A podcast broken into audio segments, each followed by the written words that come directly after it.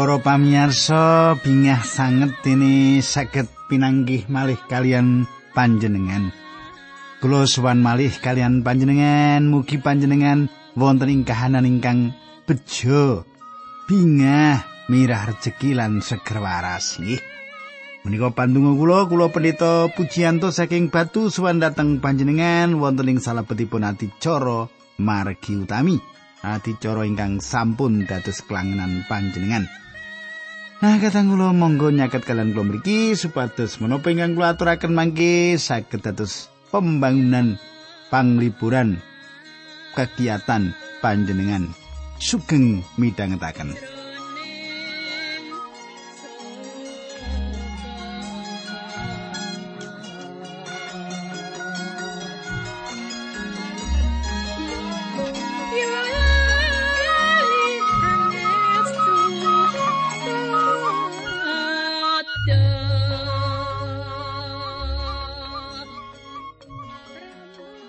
Pamirsa menapa panjenengan tasih kemutan menapa ingkang kula aturaken duk nalika pepanggihan kepengker tasih kemutan apa mboten panjenengan?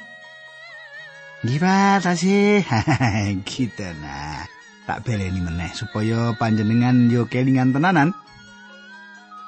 Kita sampun nyemak bilih tiang-tiang Lewi tundonipun mitulungi nyembelih mendo Paskah kangge tiang-tiang ingkang mboten suci. Ah, dumugi mriki kemutan tunggunipun nggih. Nah katang kula, monggo kita tumungkul kita ndedonga sesarengan. Duh Kanjeng Rama ing swarga kawula nyuwun supados Gusti mitulungi kawula sami. Kanthi makaten menapa ingkang dados pepanggen kawula menika saestu dados berkah. Inggih, dhateng abdi paduka piyambak ugi dhateng salakatan kawula menika. Tuntun kawula Gusti, tinambaran asmanipun Gusti Yesus Kristus kawula netunggal haleluya. Amin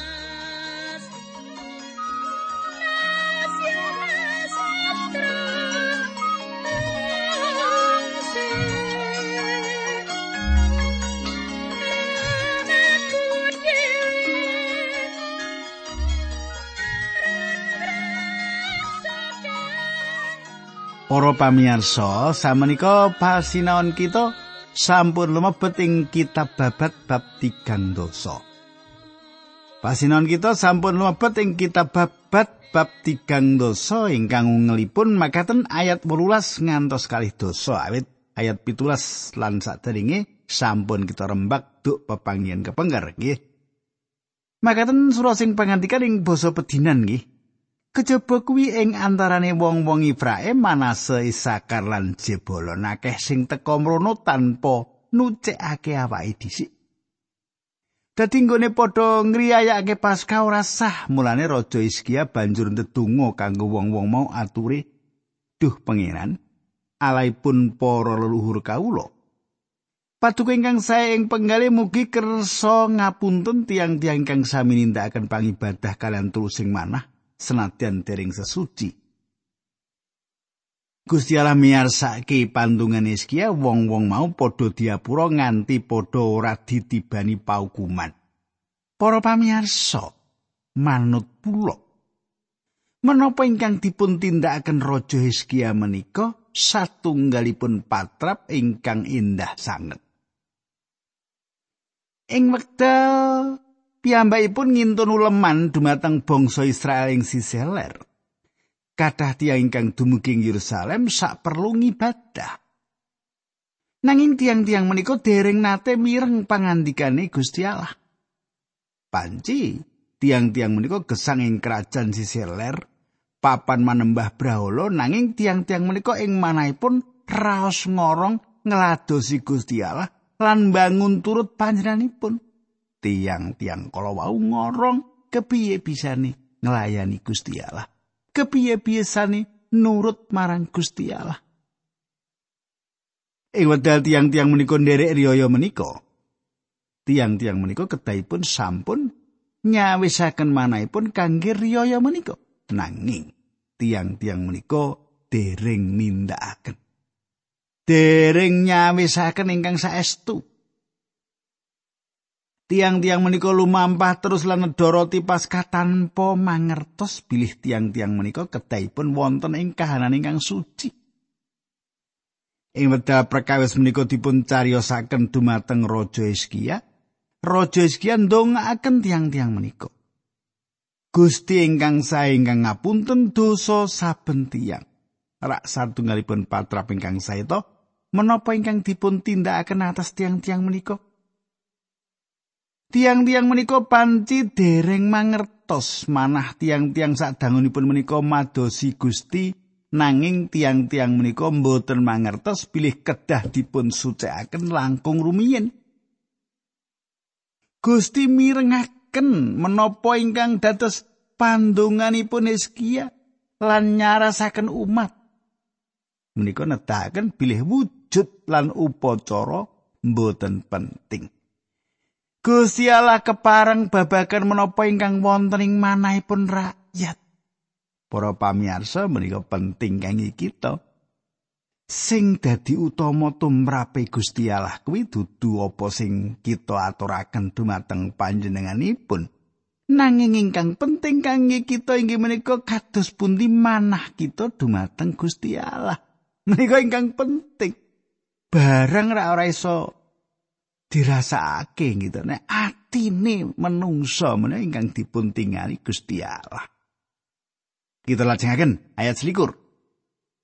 Wong-wong sing padha nglumpuk ing Yerusalem mau padha nganakake riyaya pesta roti tanpa ragi karo bunga-bunga. Suwene pitung dina wong Lewi lan para imam saben dina padha memuji marang pangeran kelawan ikhlas ati.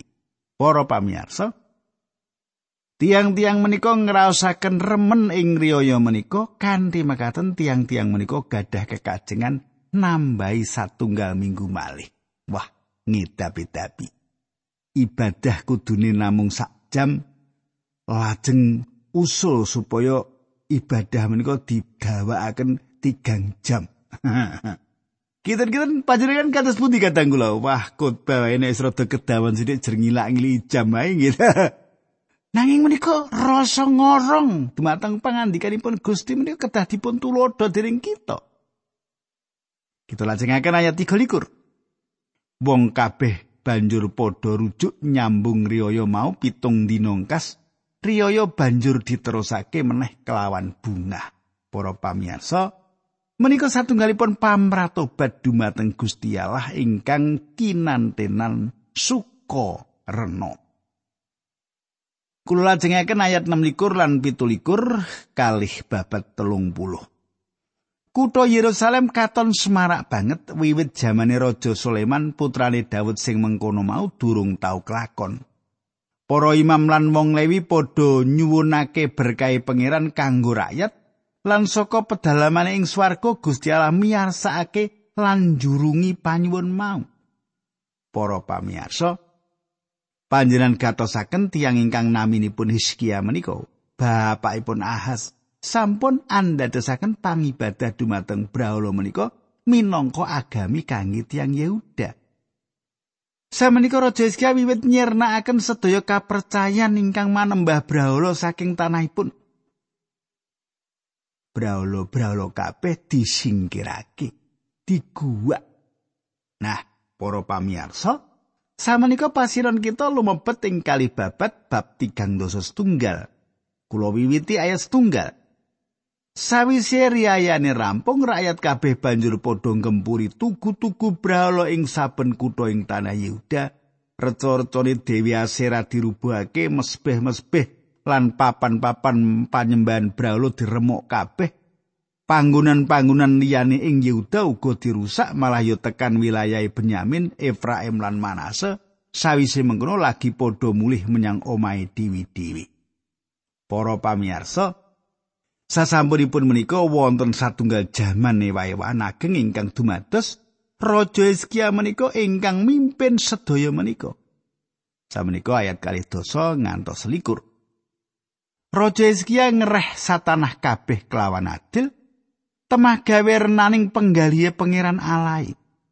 Ing sadingah perkara sing ditandangi mesti oleh gawe sebab kabeh sing ditandangi kagem pedalemane Allah lan pangdine supaya dawu-dawu pangeran ditetepi kuwi kabeh ditindakake kelawan terusing ati lan saka tresnane marang pangeran alai.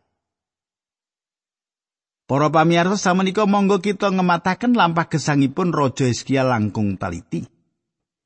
Tiang ingkang kados menapa Hizkia menika? Piyambakipun menika tiang ingkang gadah iman. Ing wekdal kula matur iman, kekajengan kula inggih menika langkung saking menapa ingkang umumipun dipun wastani tiang babakan iman menika. Iman sanes satunggalipun tanggapan jiwani dumateng menapa kemawon. Iman menika boten wonten ing rasa. Iman inggih menika satunggalipun kasunyatan ingkang sampun kagayuh. Iman inggih menika satunggalipun perkawis ingkang sampun dipun budidaya ing salebeting jiwa dening Sang Roh Suci. iman satunggalipun keyakinan ingkang lahir ing salebetipun roh manungsa. Para pamirsa, sasampunipun Petrus ngakeni imanipun ingkang ageng dumateng Gusti Yesus Kristus, Gusti Yesus ngendika, "Bejo kowe Simon bin Yunus, pangandikane Gusti Yesus, awet dudu manungsa sing mendarake marang kowe bab nanging ramaku sing ana ing swarga." Matius 16 ayat 17. Para pamirsa, iman sanes satunggalipun perkawis ingkang dipun budidaya piyambak. Efesus kali ayat 8 sebab enggonmu diparingi keselamatan kuwi merga sih rahmate Gusti Allah lantaran enggonmu percaya marang Gusti Yesus keselamatan kuwi dudu ing pambudidayamu nanging peparingi Gusti Allah. Para pamirsa, iman menika sanes satunggalipun piranti. Sang Kristus menika sang juru wilujeng lan panjenenganipun menika ingkang dados tujuan iman. Spergon sanjang mboten namung keyakinan panjenengan dumateng Sang Kristus ingkang milujengaken panjenengan, Sang Kristus ingkang milujengaken panjenengan.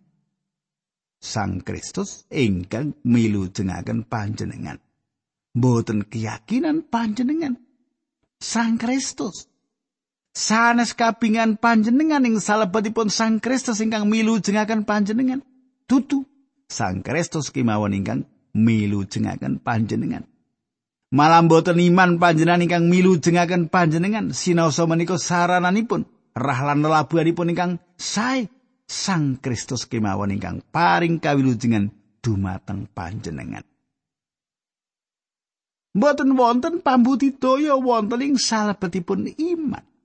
Kathah tiyang ingkang siap pecah kangge keyakinan ingkang fanatik.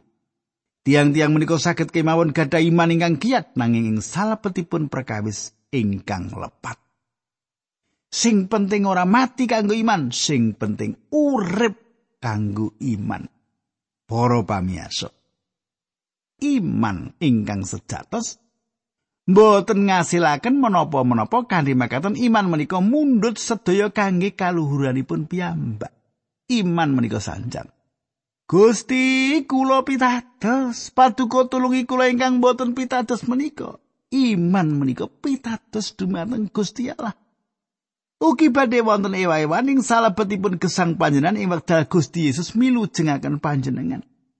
panjenenganipun badhe ngribah gesang panjenengan emut ing wekdal tiyang ingkang lempoh menika dipun beto wonten ing ngarsanipun Gusti Yesus Gusti Yesus paring pangandikan dumateng tiyang menika bilih dosanipun sampun dipun apunten namung Gusti Allah ingkang saged ngapunten dosa namung Gusti Allah ingkang saged adamel tiyang menika ngadeg lan mlampah Panjenengan saged semak Lukas gangsal ayat 23 ngantos 24 tak wacake nggih.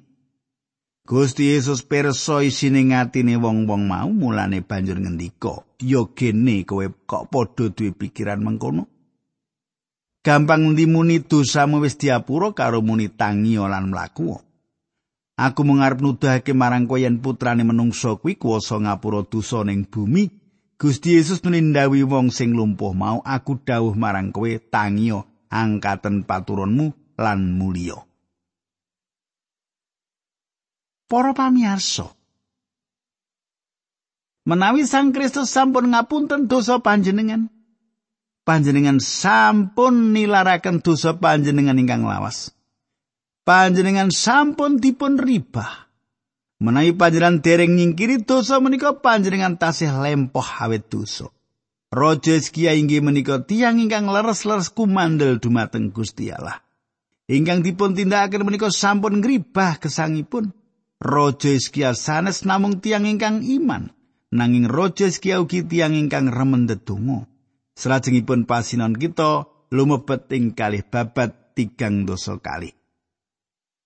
Kulo wasaken ayat setunggal. Sajrone Raja Hizkia nindakake perkara-perkara sing nelakake kasetian marang pengiran, Sanherib teka nyerang Yehuda, kutha-kutha sing ana betenge dikepung lan pasukane diperintah supaya ngrebut kutha-kutha mau. Para pamirsa Raja Hizkia damel putusan kangge damel kiat kita nanging keyakinanipun wonten ing Gusti Allah. Piyambakipun nyurung rakyatipun supados pitados dumateng Gusti Allah. Kados pundi salajengipun? Kula wasaken ayat pitu lan wolu. Makaten surasipun. Podo ditatak ati mulan sing gedhe percayamu. Aja wedi karo raja Asur utawa marang balani. Kekuatan sing ana ing pihak kita luwih gedhe ketimbang karo sing ana ing pihak kono. Kekuatane raja Asur kuwi kekuatane manungsa. nanging kita padha duwe Allah sing biyantu kita lan perang kanggo kita. Krungu pangandikane Sang Prabu mengkono mau rakyat dadi kendel. Para pamirsa sasampunipun menika Sanherib ngintun utusanipun supados ngajri-ajri rakyat lan ngrisak moralipun ugi ndoyongaken keyakinanipun dumateng Gusti Allah. Kalih babat tigang dosa kali ayat 14 lan kang 11. Endi dewa sing kecunggah dadine dewamu ya tangeh bisa nyelametake nyawamu. Kowe aja kena diapusi utawa diojok-ojok iratumu aja ngandel sebab durung tau ana dewa ndi wae kecunggah ngluwari bangsane saka panguwasane Raja Asur, uga dewamu ora bakal bisa ngluwari kowe. Para pamirsa ugi Sanherib ngintunaken serat kangge ngrisak moralipun rakyat. Ayat pitulas. Raja Asriya kirim layang sing surasani nyerang marang pengiran ala Israel tembungi mengkini dewane Hizkia kuwi ora beda karo dewane para bangsa liyane. Ora bakal bisa ngluwari bangsane saka panguasaku. Para pamirsa ing medhar Raja Hizkia nampi serat menika piyambakipun kisah dhateng dalemipun Gusti mbeberaken serat menika ing ngarsanipun panjenenganipun Donga ingkang ngedapi-dapi kasrat ing salebetipun kalih para raja 19 ayat 14 ngantos 19. Raja Hizkia menika satunggalipun juru pandonga sejatos. Ayat kalih dosa ngantos likur, rolikur, tekan pat likur, tak waca iki. Raja Hizkia lan Nabi Yesaya bin Amos banjur padha sembahyang nyuwun pitulungane Allah. Pangeran nuli ngutus malaikat mateni para prajurit lan para perwira Asur, Raja Asur kewirangan banget mulane banjur bali menyang negarani. Ing sawijining dina nalika lagi ana ing candi Mujatiwane, Sanherib ditekani para putrane dhewe lan disedani nganggo pedang. Kaya mengkono patrape Gusti Allah oleh ngluwari Raja Hizkia lan penduduk Yerusalem saka panguasane Sanherib, Raja Asur lan saka mungsu-mungsu liyane. Pengiran nekake katentreman marang tanah Yehuda lan tanah-tanah ing sakiwa tengeni. Akeh wong sing padha teka ing Yerusalem nggawa pisungsung kagem pangeran lan sesausan kanggo raja Hizkia, mula raja Hizkia dadi kajen keringan ing antaraning para bangsa kabeh. Ora suwe raja Hizkia gerah banget nganti meh sedo panjenengane banjur ndedonga, mula Gusti Allah paring pratandha yen raja Hizkia mau bakal saras meneh. Para pamirsa ing salebetipun kali para raja dipun serat bilih Hizkia miringaken panonipun dhateng tembok ndedonga lan nangis wonten ing ngarsanipun Gusti. Ing wedal sakit kula pitados kita kedah sowan dumateng Gusti Allah ing salebetipun pandonga lan nyuwun mitra-mitra sanes ndongaaken kita. Kula pitados wonten kesarasan lumantar iman. Kula mangertos bilih Gusti Allah saged nyarasaken Raja Hizkia ugi wonten ing kahanan ingkang sami. Namung Gusti Allah ingkang saged mitulungi piyambakipun. Ing wedal piyambakipun miringaken panonipun ing tembok, piyambakipun ngemutaken Gusti pilih piyambakipun sampun lumampah ing ngarsa panjenenganipun ing salebetipun kayektosan lan kanthi manah ingkang sempurna lan piyambakipun sampun nindakaken menapa ingkang sae ing tetinggalanipun. Menapa kemawon penyakitipun Gusti Allah nyarasaken piyambakipun lan maringi umur gang 11 tahun malih. Ayat selangkung ngantos 16. Nanging mergo kemunggunge Raja Hizkia ora saos panuwun marang Allah mulane Gusti Allah duka marang Yehuda lan Yerusalem. Nanging wekasane Hizkia lan wong-wong Yerusalem padha ngasorake awake mula selawase Hizkia isih sugeng paukuan mau ora ditamakake. Para pamirsa, kerajaan Yehuda dados melarat saestu ing jaman pemerintahan Ahas nanging samenika kerajaan menika wangsul dados sugih. Samenika ayat 17. Raja Hizkia dadi sugih banget lan diurmati dening wong kabeh. Panjenengane yasa kamar-kamar kanggo nyimpen raja branane ya kuwi emas loko akik bumbun werna-werna tameng lan barang-barang sing akeh ajine. Ing medal utusan saking Babel dumugi kanthi patrap ingkang bodho sanget mameraken dumateng utusan menika sedaya bondo donyanipun ingkang wonten ing kerajaanipun. Panjenengan saged semak kalih para raja kalih dosa ayat 13 ngantos 19. Menika ingkang dipun ngendikaken Gusti Allah gegayutan perkawis menika. Ayat 3 dosa setunggal Nalika para utusan saka tanah Babel tilik ngaruhake bab nggone kawarasake saka gerai nganggo cara sing elok. Raja Hizkia ditilar dening Allah mulane tumindake manut kersane dhewe kanggo nyoba marang panjenengani. Para pamirsa Raja Hizkia kedahipun sampun pejah, ing wedal sampun titi mangsanipun.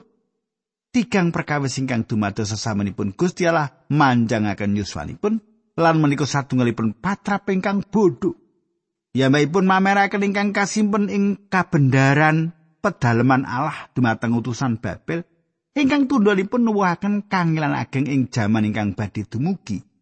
Piyambakipun gadah lare naminipun Manase ingkang dados raja ingkang awon piyambak kabanding sedaya raja.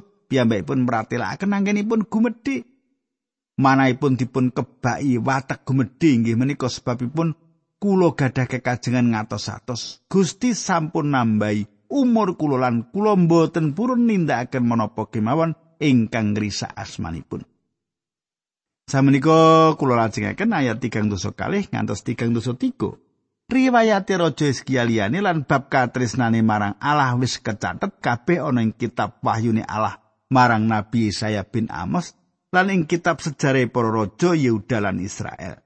Raja Hizkia sedo banjur disarekake ana ing pesariane raja-raja ing panggonan unggah-unggahan. Rakyat Yehuda lan Yerusalem kabeh oleh padha sasupi kurmatan nalika sedane gedhen. Mana seputrane ngenteni dadi raja. Para pamirsa, samenika kula gadah kekajengan ngrembak sawetawis kegayutan kebangunan rohani. Namung Gusti Allah ingkang saged ngintunaken kebangunan rohani Gusti Allah kagungan pangwas sawetahipun perkawis menika lumantar pakaryanipun Sang Roh Suci. Gusti Allah sanes pelayan hotel. Panjenengan boten saged mencet tombol lan ngrawuhaken panjenenganipun sak sekecanipun. Kita boten saged merintah Gusti Allah, nanging Gusti Allah tentu paring jawaban pas ing titi mangsanipun. Menawi panjenengan ngersakaken Gusti Allah mlebet ing gesang panjenengan, panjenengan ngaturaken pitakinan-pitakinan menika, cobi panjenengan gatosaken.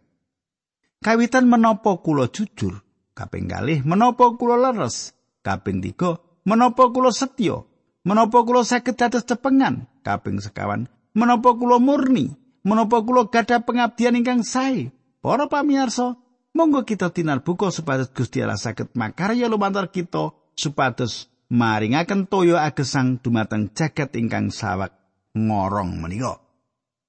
Para pamirsa monggo kita tumungkul kita ndedonga rumiyin. Duh Gusti Allah.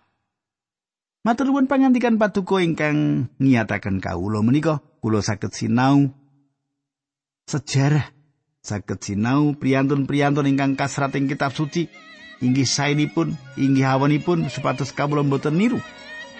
Kawula nyuwun Gusti berkahi sareng kadang kawula menika linambaran asmanipun Gusti Yesus Kristus kawula tunggu haleluya. Amin